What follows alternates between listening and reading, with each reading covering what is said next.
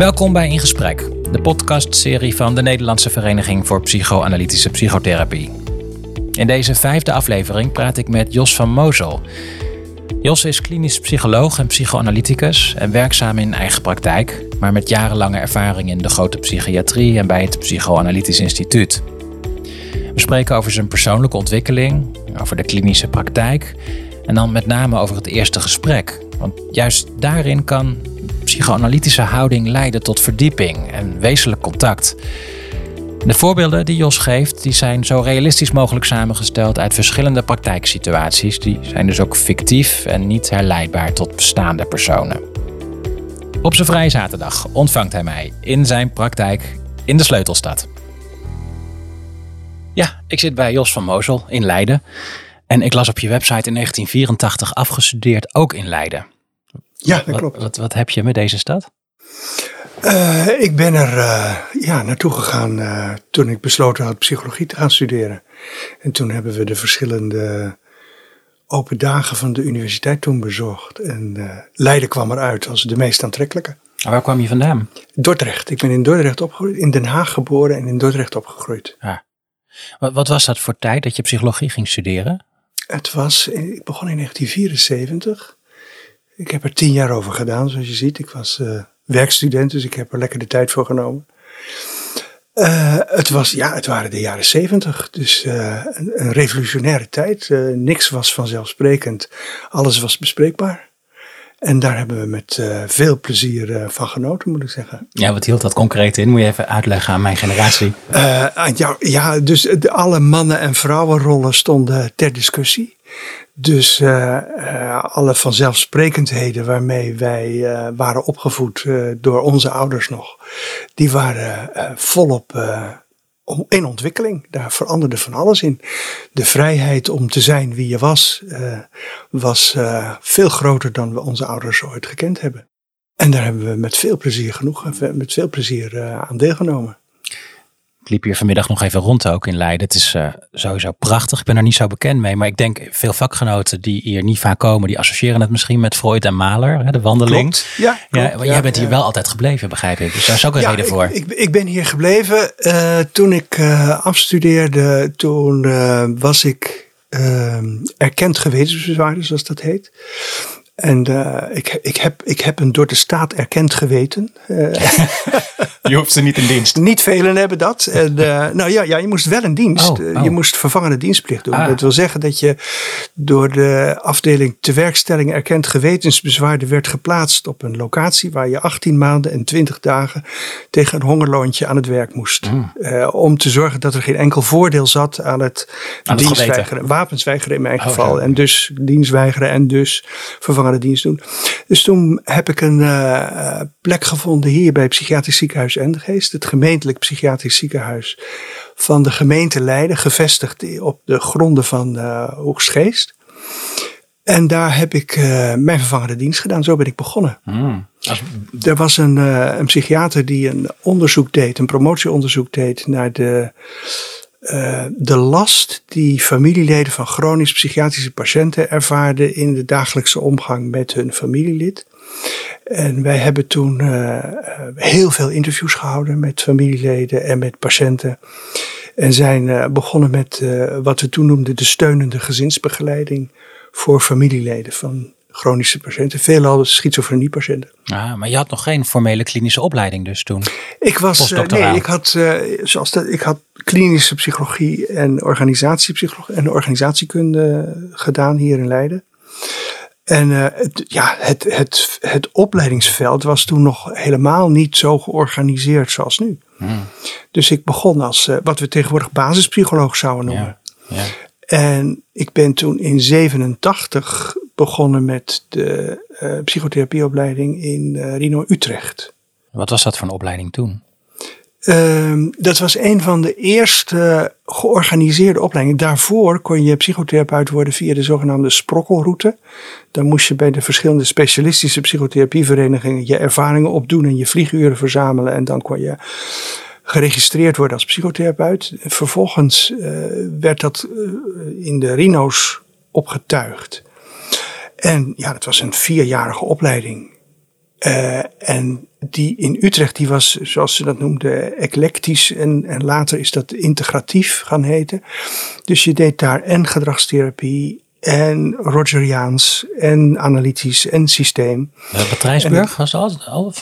Wie? Trijsburg zat daar? Deed dat toen nee, al of nee, nog niet? Nee, nee, Oh. nee, nee. Uh, uh, Jos Dijkhuis was daar de hoofdopleider. En uh, Jos Dijkhuis was de broer van Jan Dijkhuis. En Jan Dijkhuis was mijn hoogleraar hier bij psychologie geweest, klinische psychologie. En de opleiding bestond uit drie jaar voor iedereen hetzelfde en het laatste jaar een keuzejaar. En in dat laatste keuzejaar heb ik de psychoanalytische richting gekozen. En toen kregen we de mogelijkheid om ook een tweede keuzejaar te doen. En dat heb ik ook gedaan. Dus heb ik systeem en analytisch gedaan. Dus je bent ook systeemtherapeut? Ja. Ja. Ja. En daarna ook psychoanalyticus geworden nog? Nou, toen in, in vieren, ja, kijk, de hele idee om uh, uh, de, de psychotherapieopleiding te gaan doen, was geboren vanuit het verlangen om analyticus te worden. Tijdens mijn allereerste stage hier bij de Sociaal-Psychiatrische Dienst, uh, daar, daar was Frans Hiddema een psychiater, die gaf daar leiding en hij was analyticus. En ik was enorm onder de indruk van wat hij kon met patiënten in, in eerste gesprekken en uh, hoe die tot kern wist door te dringen, dat vond ik fenomenaal. En ik vroeg hem natuurlijk van, waar heb je dat geleerd? En hij vertelde, dat heb ik geleerd in mijn analytische opleiding met name. Waarom dan een analytische opleiding? Nou, zei hij, dat is de manier waarop ik mezelf het beste begrijp. En dat heeft me geïntrigeerd en zo ben ik verder gaan lezen en studeren in het analytische. En toen ja, was duidelijk, om een analytische praktijk te beginnen, moet je eerst je zelfstandig vestigen als psychotherapeut.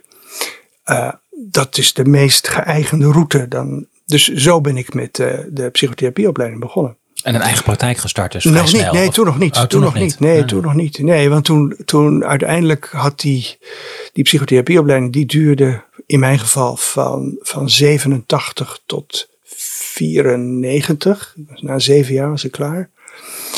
En toen heb ik een jaartje pauze gehouden. En um, toen nog een jaartje pauze gehouden. En toen werd uh, onze jongste geboren. Derde kind. Dat was een jongetje. En toen dacht ik, als jij een analyse wil gaan doen, dan is dit wel het moment om dat te gaan doen. Dus toen hebben we er nog eens lang over nagedacht. En uh, mijn vrouw en ik en samen gekeken, wat zijn de mogelijkheden? Valt dat te realiseren?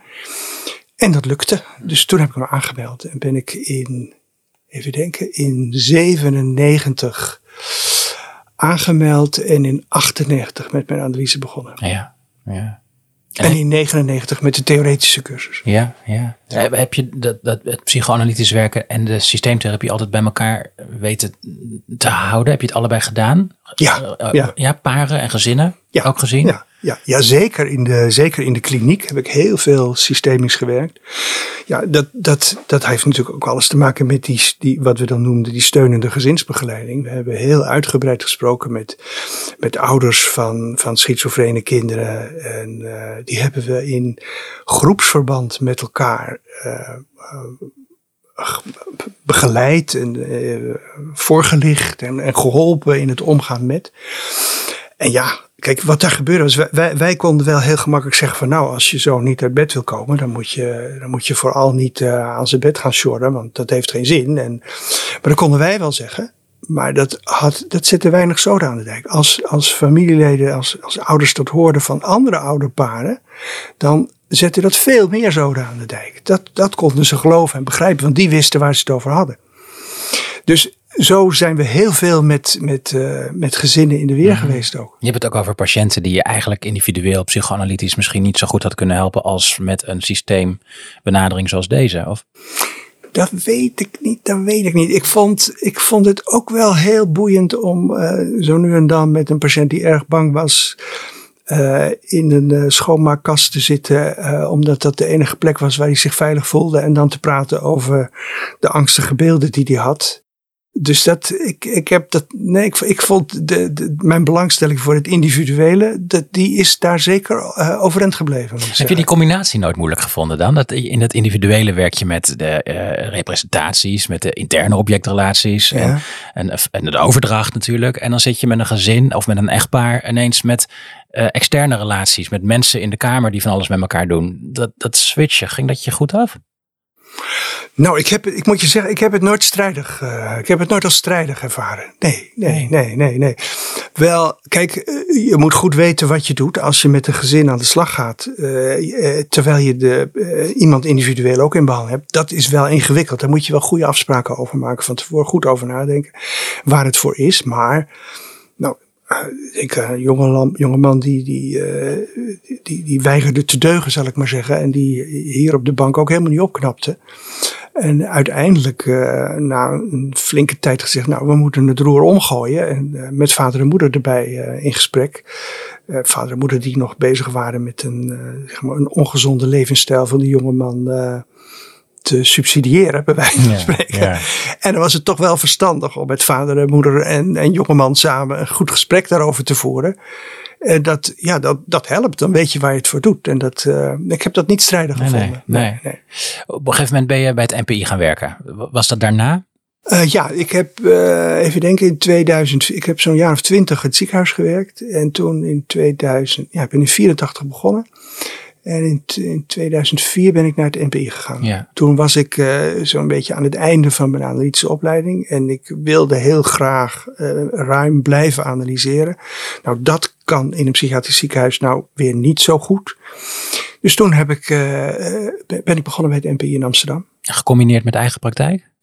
ja, die ben ik in 2000 twee begonnen. Dus dat is ongeveer tegelijkertijd. Ongeveer, ja, ja, ja. Dus je zag zowel mensen op het instituut, op het Olympiaplein, als hier. Als hier, en de eigen praktijk aan huis. Ja, klopt. Ja, en uh, um, toen kwam ook de TFP erbij natuurlijk. Dat is een van je kerntaken, toch? Ja, nou dat is eigenlijk tegelijk met de analytische opleiding gegaan. Uh, we zijn eind jaren negentig, toen, uh, toen startte dat grote onderzoek tussen enerzijds TFP en anderzijds de gedrags de cognitieve therapie voor mensen met een borderline persoonlijkheidsstoornis. Zo begon het althans. Um, en um, toen is, ja, wij werden toen opgeleid door, uh, door Kernberg en, en Jomans uh, vooral. Ik, ik heb je, je uitzending met Willem Heuvens gehoord. Nou, Willem en ik zaten in hetzelfde basisgroepje hier in Leiden, waarin we onze behandelingen samen bespraken. En voor mij liep dat dus parallel aan de, de opleiding tot analyticus. Vulde het elkaar goed aan of beet het ook ergens? Ja, dat is een, dat is een, een, dat is een spannende vraag. Ik, ik, ik ben een andere analyticus geworden dan ik zou zijn geworden als ik niet die TFP-opleiding had gedaan. En ik ben een andere TFP-therapeut geworden dan ik zou zijn geworden als ik niet die analytische opleiding daarbij had gedaan, denk ik. Uh, hoe bedoel je? Nou, ik, ik denk dat ik uh, als ik achter de bank zit, eh, de, de, de gevoeligheid of de vanzelfsprekendheid waarmee de overdracht onderwerp van gesprek wordt, die is voorbij, die staat voor mij als een paal boven water. Dat gaat, dat is schering en inslag, zeg maar. En dat is misschien niet bij alle analytici in dezelfde mate het geval. Hangt helemaal van je persoonlijke stijl af. Maar voor mij is dat dus een, een soort vanzelfsprekendheid. Dus being present is een, is een belangrijk element in die TFP. Hè. Dat is, je hele techniek is veel actiever, veel, veel meer er, er bovenop zitten, zeg maar. Nou, dat is ook wel onderdeel van, denk ik, meer dan andere onderdeel van mijn analytische techniek als ik analyseer. Ja, ja. En andersom? En andersom denk ik, ja, kijk, het, het, het goed nadenken over de, de, de, de organisatie van de persoonlijkheid, de structuur waarin iemand functioneert, dat tot, zeg maar, tot in zijn, in zijn vezels proberen uit elkaar te pulken, dat heb ik heel erg geleerd vanuit de, in, in de analytische opleiding mhm. natuurlijk. Hmm. En de verschillen? Wat doe je echt anders als je achter de bank zit of als je een TFP doet met iemand? Uh, ingrijpen. Ik, ik, grijp, ik grijp niet in, zeg maar, in de, achter, achter de bank. Kijk, uh, dat heeft natuurlijk alles te maken met de, de organisatievorm van de patiënt. Hè? De, de, de patiënt die op de bank ligt, heeft doorgaans een neurotische organisatie. Die is in staat om over zijn innerlijk leven te vertellen, om dat te beschouwen, om daar kennis van te nemen, wat er in hem omgaat. En daar verslag van te doen en samen met mij na te denken over wat dat voor betekenissen heeft. De patiënt met een borderline persoonlijkheidsorganisatie, die is tot het houden van zo'n samenhangend verhaal veel minder in staat. Ik maak vaak de vergelijking tussen de, de neurotische organisatie. Die is als een roman, een verhaal met een, een hoofdstukken en een, een voortgang. Terwijl de borderline organisatie, die, die, uh, dat is meer een, eh, een stripverhaal zou je zeggen. Waarbij de patiënt dan het ene plaatje en dan het andere plaatje en dan het volgende plaatje laat zien. Waarbij het werk wat we te doen hebben in eerste instantie is het verzinnen van de tekst die onder de plaatjes hoort, zeg maar, om, om überhaupt een taal te ontwikkelen. Dus bij de borderline organisatie gaat het, de communicatie veel meer via het doen, via het gedrag en via het teweegbrengen van gevoelens bij de ander. dus de, de patiënt met de borderline organisatie die, die kan niet vertellen wat er, of niet, vaak niet vertellen wat er in hem omgaat, maar communiceert wel wat er in hem leeft door een bepaalde manier van spanning of interactie met mij te zoeken waar ik uit kan afleiden door mijn eigen gevoelens te raadplegen en te signaleren wat dat mogelijk kan zijn. Mhm. Nou, dat is een. Dat, dat zijn graduele verschillen tussen, tussen de bank en de TFP. Maar als je het uh, zeg maar uit, echt uit elkaar plaatst en tegenover elkaar zet, dan zou dat het belangrijkste verschil zijn. Je hebt dus eigenlijk met alle drie die persoonlijkheidsorganisaties ervaringen. Want je begon dus meer in de psychotische, gestructureerde ja. hoek met die patiënten die je in het ziekenhuis zag. en dus de borderline structuur en de neurotische structuur. Uh, nou is over die groep die je in het ziekenhuis zag, denk ik wel duidelijk dat je die niet zo hier in de eigen praktijk zou ontvangen over het algemeen.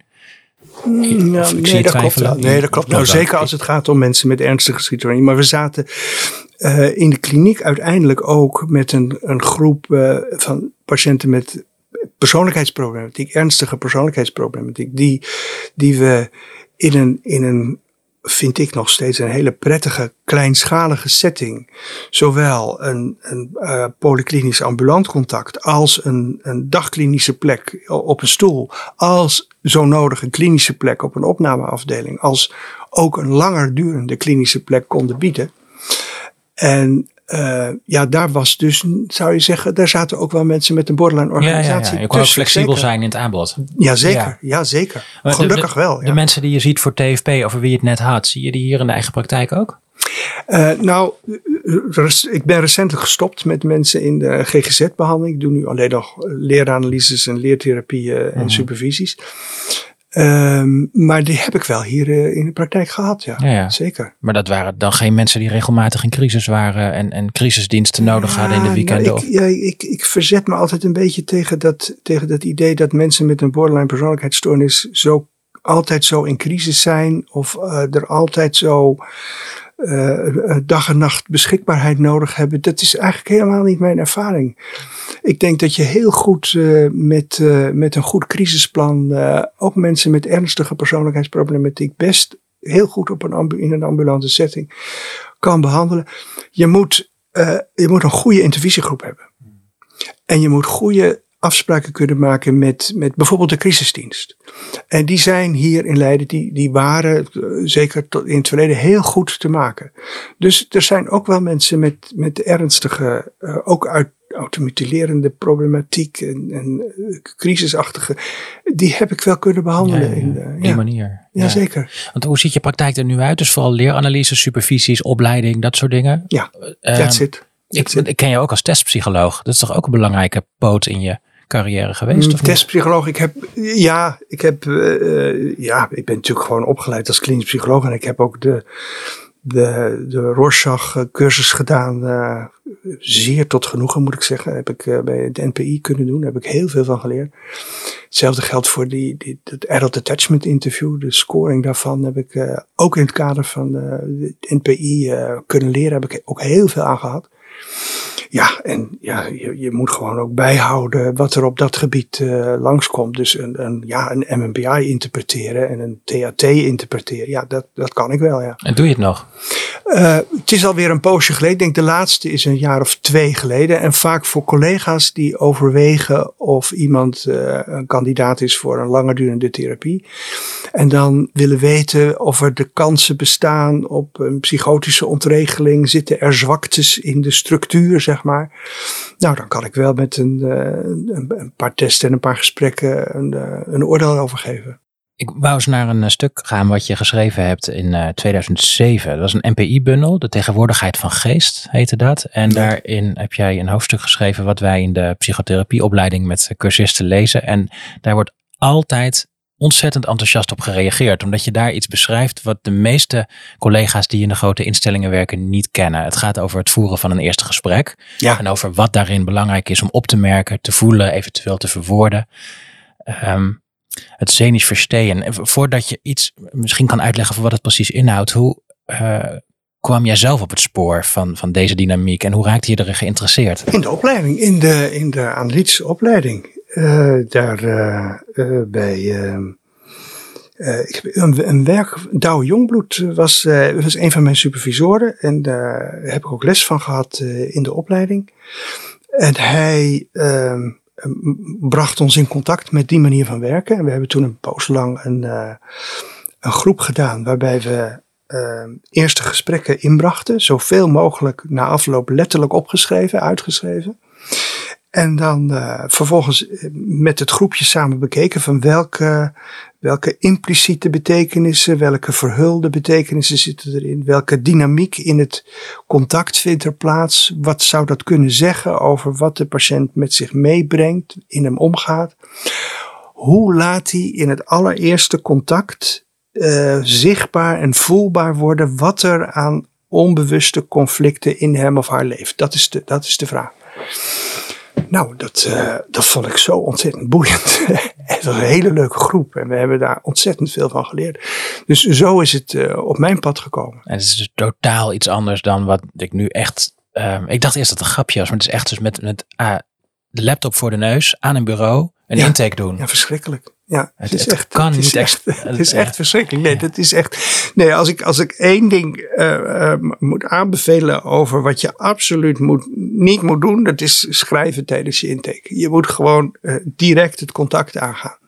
Nou, misschien er iets uh, dieper op ingaan. Dat scenisch versteen, want zo ja. heet het. Hè? De, de, Ja, het, het, ja. vers- het begrijpen van de scène. Ik weet Ja. niet of we er een betere Nederlandse term voor kunnen Ja, het is een, is een Duitse term. Ja. Inderdaad, de scène zoals die, eh, zoals die zich ontwikkelt in het allereerste contact, om die, om die te begrijpen. Dat betekent dat je ehm, in het eerste contact afziet van het uitgebreid vragen stellen naar waar komt u voor en wat is het de geschiedenis van uw klacht geweest en eh, hoe bent u opgegroeid en, enzovoort.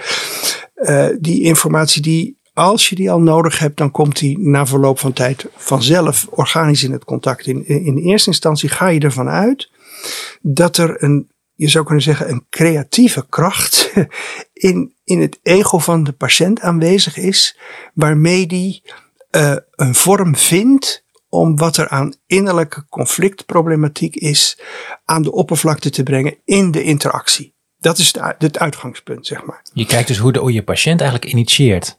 En, Uh, ja, en- ja, ja, ja, je bent, je, ja, zeker. Je bent uh, volgend aanwezig. Je laat zoveel als mogelijk is met je sollen binnen de grenzen van wat betamelijk is, uiteraard. Maar je, je volgt je patiënt volledig in, in hoe die het, het gesprek vormgeeft. Hoe die het contact uh, la, laat groeien, zeg maar. En zich daarin laat zien. Kan, kan, je uh, ons concreet meenemen naar hoe dat gaat? Je haalt iemand uit de wachtkamer op die je nog nooit eerder gezien hebt. Wat doe je? Je, je, je groet en zegt kom verder en stelt verder geen vragen? Of, of introduceer je nog iets? Komt, de, de, de, uh, ik heb een afspraak gemaakt met een patiënt en die, die komt binnen en die uh, is... Uh, terwijl ik de deur, hij belt en terwijl ik de deur voor hem open doe, staat hij aan de telefoon op dat moment. Met iemand en, en, en, en houdt, houdt een gesprek over peuterskies die heeft kennelijk op, uh, op marktplaatsen geboden op peuterskis. En nu is er iemand die hem belt en die peuterskis wil. Nou, de, we weten dan al het een en ander over hoe deze man zijn leven inricht. Hoe hij zijn leven georganiseerd krijgt. Of niet. Want niet dus. Hij krijgt het niet georganiseerd. Hij komt hier binnen. Zegt ja, sorry, dat zijn de peutersgebied. Dat moest even. En we zijn nog geen, geen, geen drie minuten in gesprek. Of daar gaat weer zijn telefoon. En hij zegt, moet ik even opnemen? Sorry. en hij neemt weer zijn telefoon op. En, uh, en, en zegt uh, uh, vervolgens, als hij, als hij heeft opgehangen, van ik, ik krijg het, ik, waar ik voor kom, is dat ik mijn leven niet georganiseerd krijg. Waarop ik zeg, nou dat merk ik. Ja. Zo, dat, dat wordt wel duidelijk. En, en je zou kunnen zeggen, dit is een soort incident. maar je, het is ook niet toevallig. Hij, hij laat hiermee ook iets van de urgentie zien die hij met zich meedraagt. Van wat de urgentie is van de problematiek die hij met zich meedraagt. En daar is het van belang dat je, dat je ontvankelijk op reageert. En vooral, uh, kijk, deze man vertelde iets verder, verderop. Uh, kijk, op een gegeven moment, ik erger me natuurlijk. De tweede, als die tweede keer de telefoon weer gaat, denk ik, ja, ben jij bezoden, kan je, denk ik intussen. En ik voel in mezelf de neiging tot afstand en denken, ja, hier begin ik niet aan, bij wijze van spreken. En dat is een beweging die hij in zijn leven heel vaak meemaakt. Dat de mensen om hem heen die reactie vertonen van ja zeg, hier begin ik niet aan. Dus om, er, om, om met deze man contact te maken is het nodig dat je hem laat merken dat je dat in de gaten hebt. En kijk, in zo'n allereerste contact wat je wil is nagaan, is iemand geschikt om met een psychoanalytische manier aan het werk te gaan met wat er zich in hem afspeelt. Dat kan iemand alleen als hij in staat is tot, tot overdracht. overdracht betekent letterlijk dat je wat je in de ene situatie overkomt en, en daar hebt opgedaan, dat je dat met je meebrengt en in een andere situatie, in een nieuwe situatie opnieuw tot leven weet te brengen. In de analytische relatie moet het op de een of andere manier weer zichtbaar en voelbaar worden. En iemand moet in de gaten hebben dat die, die relatie daartussen, dat dat relevant is. Dat daar wat van te leren valt. Nou, dus, wat je probeert in zo'n zo'n zo'n scenisch versteen, is om op de een of andere wijze een, een duiding te formuleren over wat er zich waarschijnlijk, wellicht, in hem of haar aan het afspelen is. En dan wordt het spannend, want dan gaat het over hoe reageert iemand daarop. Reageert hij daarop met een, een verdieping van het materiaal of door een ander uh, affectief beladen onderwerp uh, aan te raken? Uh, of met, met een precisering van wat je zegt, dan is hij daar kennelijk vatbaar voor. Als iemand daar een beetje schouderophalend aan voorbij gaat, is dat ook belangrijke informatie. Dan zou je namelijk kunnen concluderen dat het minder geschikt, dat zo iemand minder geschikt is voor een analytische werkwijze. Hmm. Hmm. Dus dat is wat je probeert te doen in zo'n, in zo'n allereerste gesprek. En in het laatste geval, hoe ga je verder met iemand dan? Uh, ja, er zijn natuurlijk heel veel mensen die zich aanmelden uh, voor, een, uh, voor een psychoanalyse, waar je, waarvan je na tien minuten denkt, nou dat dacht het niet. er kwam een meneer binnen met tien plastic tasjes en die ging op de bank zitten en zei, ja ik, ja, ik ben met mijn moeder naar bed geweest als kind en ik heb begrepen dat je daarvoor een analyse moet komen. ja, ja, ja. Nou, dan, ja, we snappen zijn gedachtegang wel ergens. Maar. dat is niet. Ja, uiteindelijk hebben we natuurlijk toch besloten dat waarschijnlijk zijn behoefte aan privacy groter is dan, dan passend is voor zo'n zo'n ingrijpende behandeling. Dus, maar ook met iemand die dus op een wat subtielere wijze uh, niet zo ontvankelijk lijkt voor, voor dat denken over wat er in het hier en nu gebeurt en het verbinden van verschillende situaties op een overdrachtelijke manier dat je daarin uh, dus met zo iemand toch bespreekt dat andere therapievormen misschien helpender zijn. Tuurlijk. En, en doorverwijst. Ja, tuurlijk. Nee, dat kan heel goed. Kijk, wat belangrijk is, is uh, als, je, als, je, als iemand een psychoanalytische behandeling overweegt, dat je, zeker als het om een TFP gaat, zo langdurig, intensief, van meerdere keren in de week, dat je uitlegt. En ook als het om een analyse gaat. Kijk, de, de analyse doen we in, in bijna altijd bij mensen die eerdere behandelingen hebben gedaan, die niet tot het gewenste resultaat hebben geleid. Zo'n intensieve vorm van behandeling uh, doe je niet als, als, over het algemeen niet als behandeling van eerste keus. Althans, dat heb ik nog nooit gedaan. Ik heb nog nooit iemand. Uh, moet ik aarzelen? Ik heb Uit, uitzonderingen. Iemand, ja, juist, uitzonderingen daar Zijn er altijd. Uitzonderingen daar. Ja, zo is het. Ja. Dan blijkt iemand wel ontvankelijk te zijn. En dan blijkt het gesprek zich ook te kunnen verdiepen aan de hand van, van zo'n duiding waar je net een voorbeeld van gaf. Uh, hoe maak je op een gegeven moment um, als gevolg daarvan de keuze of iemand bij een analyse komt of misschien ook met één of twee keer in de week vis-à-vis -vis prima geholpen is? Um, uh, of uh, de belangstelling die iemand ervoor heeft. Um, het is, als ik, het, het is heel simpel. Het is, je kan het heel simpel maken. Ik vertel vaak aan mensen, zeg ik nou, je hebt twee soorten mensen. Je hebt mensen die zeggen, uh, laat me met rust. En je hebt mensen die zeggen, laat me niet alleen. Wat voor eentje bent u er? Hm. Nou, de meeste mensen kunnen prima zeggen, ja, ik ben er zo een van, laat me met rust. Nou, dan denk je eerder aan de analyse dan wanneer iemand zegt, laat me niet, laat me niet alleen. Dus iemand die zegt, laat me met rust, dan zeg je, nou kom maar vijf keer in de week. Juist, zo ongeveer. Zo ongeveer. Ja, ja. Dat is, dit, is, dit is eh, trouwens, uh, heb ik niet helemaal in mijn eentje verzonnen uiteraard. Er is een prachtig artikel van, van uh, Blad en Shahar. Uh, en zij hebben onderzocht mensen met depressieve klachten. die deels in analyse waren gegaan en deels in, the in therapie waren gekomen. En in grote kansen bleek dat er weinig uh, verschil was tussen de een of de andere conditie. Echter, als je de, de anaclitische patiënten en de introversieve patiënten uit elkaar wist te halen. Twee vormen van depressie. Twee vormen van depressie, zeg maar. Dan werd heel duidelijk dat de, de anaclitische patiënt, zeg maar de patiënt die zegt, laat me niet alleen. Dat hij veel meer baat had bij een vis-à-vis. Hmm. En de, de, de introversieve patiënt, dat die veel beter werd geholpen door de door een ah. klassieke psychoanalyse. Nou, we zetten de link naar dat artikel even in de show notes ook bij deze podcast. Dan kan iedereen dat even nalezen. Okay, dat is wel inter interessant. Kijk, je vertelde ook net over de TFP en hoe belangrijk dat een onderdeel is geweest van je werkzaamheden. Daar hebben we natuurlijk het structureel interview. Ja. Dat is toch totaal iets anders, hè? Waarin je toch heel gedetailleerd alles juist wil uitvragen. En precies zo heb uh, altijd begrepen. Je wil het helemaal weten. Ja, dat is, ja, dat is waar. Dat is waar. Het is wel belangrijk om een, een goed, goed onderscheid te maken tussen wat bedoelen we met structureel. Het structureel interview is bedoeld om de structuur van de persoonlijkheid aan het licht te brengen. En dat is iets anders dan dat het een gestructureerd mhm. interview is waar alle vragen van tevoren in, staan, in vaststaan. Maar dan nog veel dus uitvragen. Het is een, het is een psychoanalytische eh, vorm van, van interviewen, zeg maar, gericht op de structuur. Maar inderdaad, je hebt gelijk. Uh, als het goed is, dan doe je een structureel interview ook zodanig dat je echt een goed zicht hebt op wat er diagnostisch, klassiek diagnostisch aan de hand is. Dus goed uitvragen, ook eh, als het om depressies gaat, niet vergeten dat je de vitale kenmerken moet uitvragen en, en dergelijke. Maar hoe verhoudt zich dat tot het scenisch verstehen? Als je hier in eigen praktijk iemand uit de wachtkamer haalt, wat, wat, wat kies je? Wat doe je? Ik begin met het eerste. Ik, eh, eh, dat we zeggen, ik begin met het, met het scenisch verstehen. En het is heel goed te doen om dan te zeggen, ik wil de volgende, in het volgende gesprek wil ik wat uitvoerig op uw klachten en achtergronden ingaan.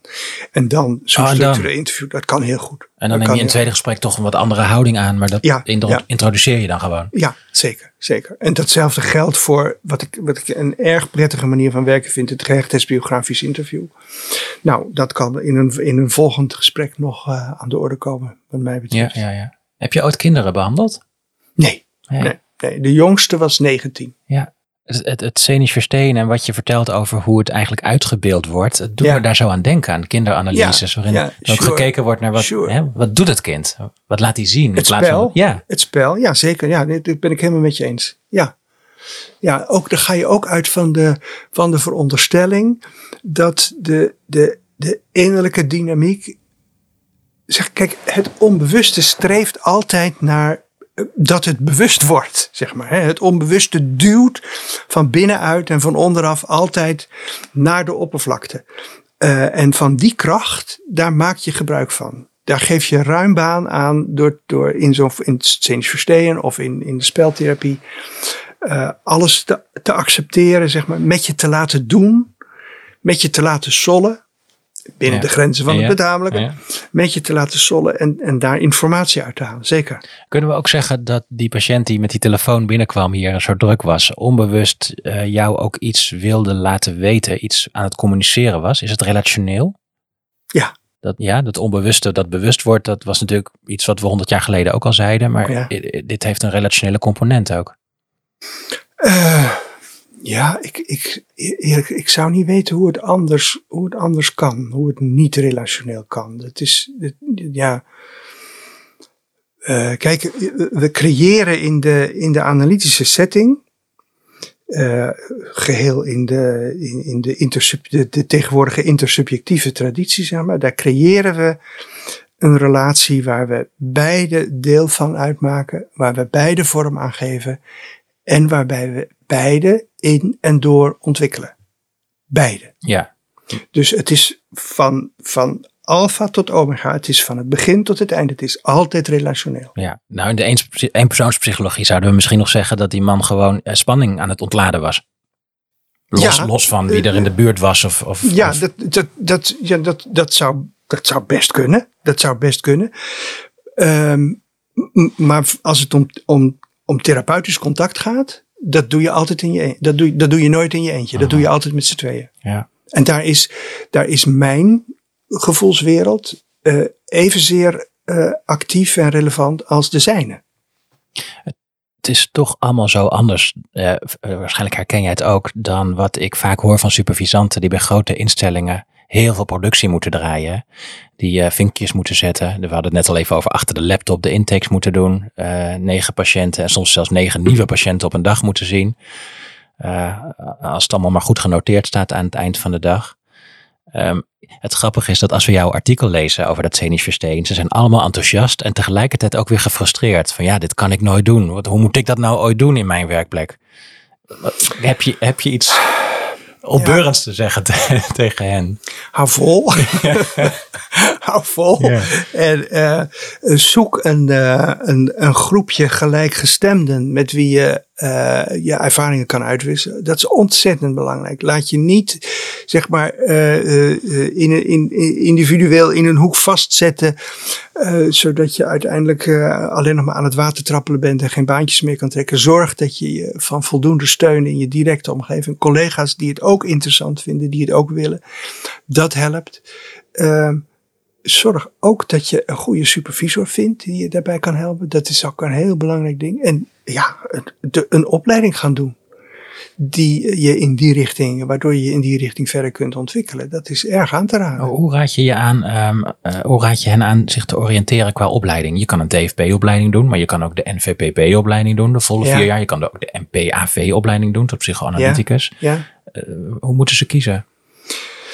Nou, eh, ik voer natuurlijk veel van dat soort gesprekken. Van wat, wat vind jij nou dat ik moet doen en wat denk jij nou dat het beste is? Ja, dat is t- met elkaar nagaan van wat zijn je mogelijkheden. Dat is een heel belangrijk eh, uitgangspunt toch. Waar, waar, waar zie je voor jezelf in eerste instantie mogelijkheden? En er zijn ja, veel mensen die, die in, hun, in hun dagelijkse praktijk kiezen voor een, eh, een, de, de NVPP-opleiding, omdat dat het beste aansluit bij wat zij in hun eigen praktijk aan mogelijkheden hebben natuurlijk. Doe je mogelijkheden praktisch of ook, ook Ook innerlijk, praktisch, psychisch? Ook, ook praktisch.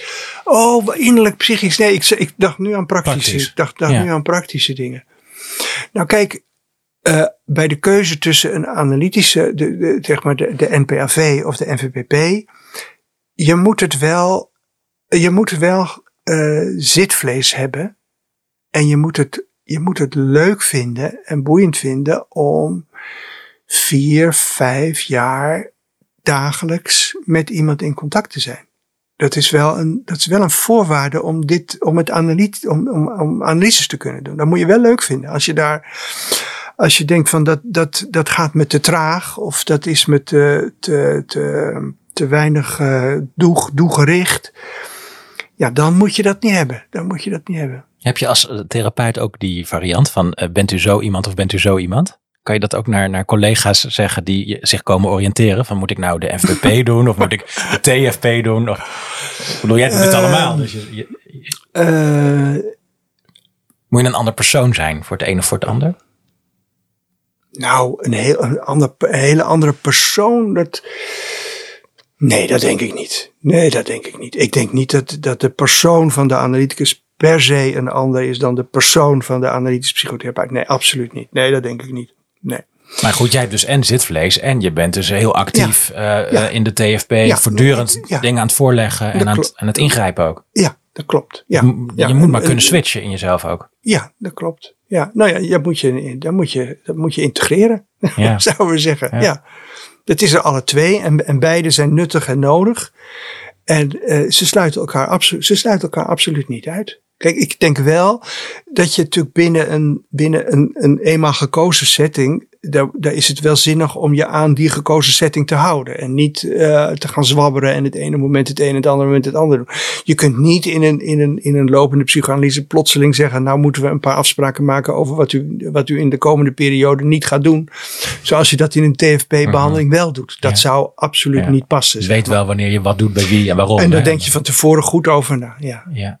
Nou is de TFP geloof ik eruit in het curriculum in Amsterdam, bij de Rino in ieder geval. Uh, ik geloof als verplicht onderdeel, als structureel onderdeel is het eruit, dacht ik. Ja, en, en het, het scenisch versteen, dat wordt eigenlijk in de psychotherapieopleidingen en in de psychiatrieopleidingen sowieso nauwelijks onderwezen. Ja.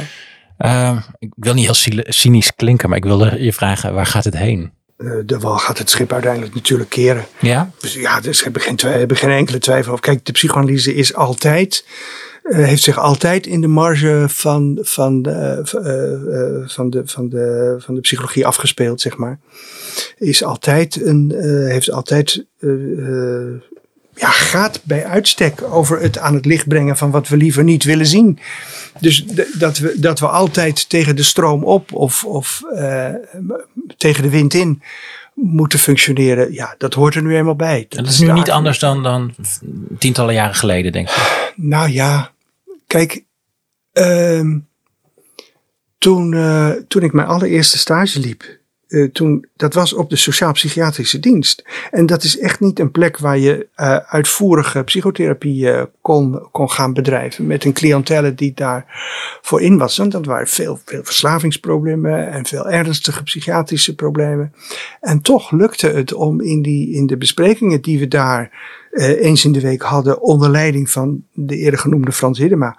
Om op een psychoanalytische manier te kijken naar wat er, wat er aan orale thematiek en wat er aan anale thematiek aan de orde was en wat je daar wel of niet mee kon. Ik denk dat wat dat betreft dat de, psychoanalyticus uh, in, in zijn teams of uh, in, de, in, zijn, in zijn supervisies een heleboel kan bijdragen aan, aan wat, voor de, wat voor jonge collega's uh, het, het, het werken mogelijk maakt, zeg maar. Ook kijken ja. wat zij nodig hebben, waar de ja, hiaten zitten. En, ja, en, precies, precies. En het gebeurt heel vaak. Nou, iedereen die, die lesgeeft op dit gebied, die zal, je dat, die, die zal je dat bevestigen. Dat veel mensen die voor het eerst kennis maken met deze manier van denken, dat die, nou je zei het net zelf, die, die erg enthousiast ervan raken. En denken, ja, hier ben ik eigenlijk psychologie voor gaan studeren. Of dit is wat ik had gehoopt te vinden in de psychotherapieopleiding. Ja. Wat, wat ga je zelf doen de komende jaren? Wat zijn je aandachtspunten? Uh, ik, ben, ik ben bezig met afbouwen, zeg maar. Ik heb alle GGZ-behandelingen gestopt inmiddels. Uh, en doe alleen nog een aantal leertherapieën, een aantal andere therapieën, leeranalyses, een aantal andere analyses en supervisies. That's it. En ik had gedacht om, om het wat kalmer aan te gaan doen. Uh, de kleinkinderen vragen ook uh, tijd en aandacht. En die wil ik ook heel graag beschikbaar hebben. Daar geniet ik enorm van. Ik zag een leuk wippertje staan hier om de hoek. Ja, dus nee, je, hebt ze wel sure, op de vloer. Ja, ja. ja, zeker. Ja, ja, zeker. Ja, nee, donderdag ben ik, uh, ben ik op als opa. Oh ja. En, ja, ja. Nee. Um, maar vorig jaar, vorig jaar februari, toen, de, toen de Russen Oekraïne binnenvielen, toen, uh, toen is wel, heeft wel een beetje voor een koerswijziging gezorgd. Want er kwamen een aantal collega's die ik in het verleden had gesuperviseerd, uh, vragen of ze konden praten samen over uh, nou, één, wat te doen als je in je dagelijkse werk gehinderd wordt door zorgen over wat er in Oekraïne met je familieleden aan het gebeuren is. En twee, hoe, hoe, kunnen we het, het aanbod uh, aan de gevluchte Oekraïners hier, als ze om psychologische hulp komen, hoe kunnen we dat vormgeven? Nou, daar hebben we toen uh, aanvankelijk gezegd, nou kom eens een middagje praten. En dat hebben we gedaan. En dat doen we sindsdien, Mm. eh, om de twee weken. eh, proberen we ons met die vragen bezig te houden. Kan je iets vertellen over wat je tegenkomt en hoort in die gesprekken? Eh, ja, eh, ja dat, is, dat is echt dat is, eh, indrukwekkend. Kijk, het, specifieke van deze situatie is een van de beide collega's komt uit Moskou en de andere collega komt uit een een Oekraïne. En dus de, de, de thematiek, de splitsingsthematiek, is onmiddellijk aanwezig, zou je zeggen. En de taak die, die wij hebben, de taak die de analyticus heeft of de analytisch psychotherapeut heeft om de, de splitsing te hanteren, te containen, is, is dus meteen aan de orde. En eh, nou dat. Een belangrijk onderscheid is het, is het eh, eh, ja, wanneer is er sprake van een overdrachtsbehandeling? Hè? Want zij, zij deden lopende psychoanalytische behandelingen. En wanneer is een behandeling psychoanalytisch en gebruik je de overdracht? Eh, en wanneer is er sprake van psychologische eerste hulp? Ja. En hoe onderscheiden die twee zich van elkaar? En hoe liggen ze aan de andere kant ook weer in elkaars verlengde? Dat is een heel, een heel wezenlijk, heel, heel, belangrijk, heel belangrijk ding. Als het gaat over de psychologische eerste hulp, wat is, wat is het aller, aller, allerbelangrijkste? Dat is het contact herstellen, relaties herstellen. Mensen die, die, die, die afgesneden zijn geraakt van hun, van hun dierbaren. Het allerbelangrijkste nadat ze fysiek in veiligheid zijn gebracht en een dak boven hun hoofd hebben, is het herstellen van de relatie met de, de nabije mensen. Dat, Omdat ze weer met elkaar in contact zijn, concreet. dat is het, toch? ah, dat, Eh, het, het- bij het, het, het wezen van trauma. Het zijn allemaal Ja, ernstig trauma, getraumatiseerde patiënten. Het wezen van trauma is, of een van de wezenskenmerken van trauma is, dat je, dat je er in je eentje mee bent. Dat er een overweldigende ervaring is waar op dat moment geen getuige van is, zeg maar. En, en nou, dat, prachtig beschreven door Dory Laup, onder andere, eh, eh, eh, de, dat, dat het vermogen om getuige te zijn van je eigen ervaringen, dat dat is wat er in een, in een traumatische gebeurtenis wordt, wordt, wordt vernietigd, zeg maar.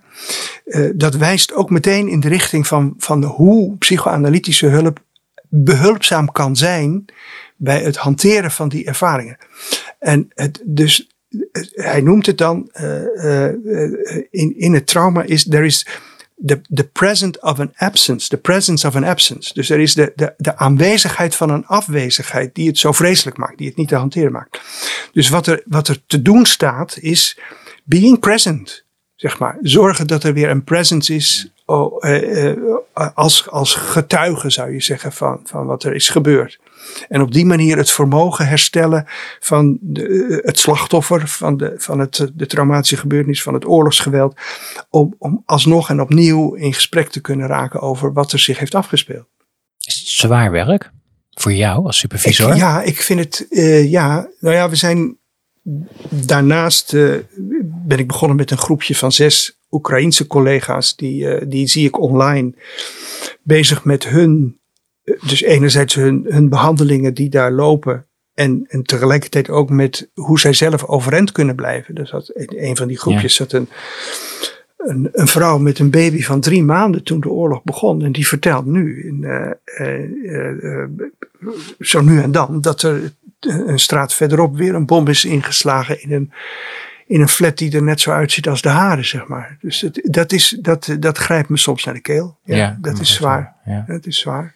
Het, het is eh, meer gezien de tijd dat we er niet verder op in kunnen gaan. Maar zou het leuk zijn misschien, denk ik, even om eens een keer over een tijdje gewoon een nieuwe podcastaflevering te maken weer. Dat ik bij je terugkom om eens te praten over je ervaringen daarmee, bijvoorbeeld een jaar verder. Want Uh, je bent van harte welkom. ja, leerzaam Je bent van harte welkom. Ja, zeker. zeker. kijken hoe dat zich allemaal ontwikkeld heeft. Ja.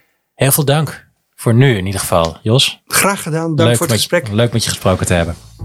In de show notes bij deze aflevering vind je dus de linkjes naar de door Jos genoemde literatuur. Volgende maand dan spreek ik met Voruk Karimi, schrijfster, psychiater en NVPP-collega over psychoanalyse en literatuur. Heel graag tot dan en voor nu dank voor het luisteren.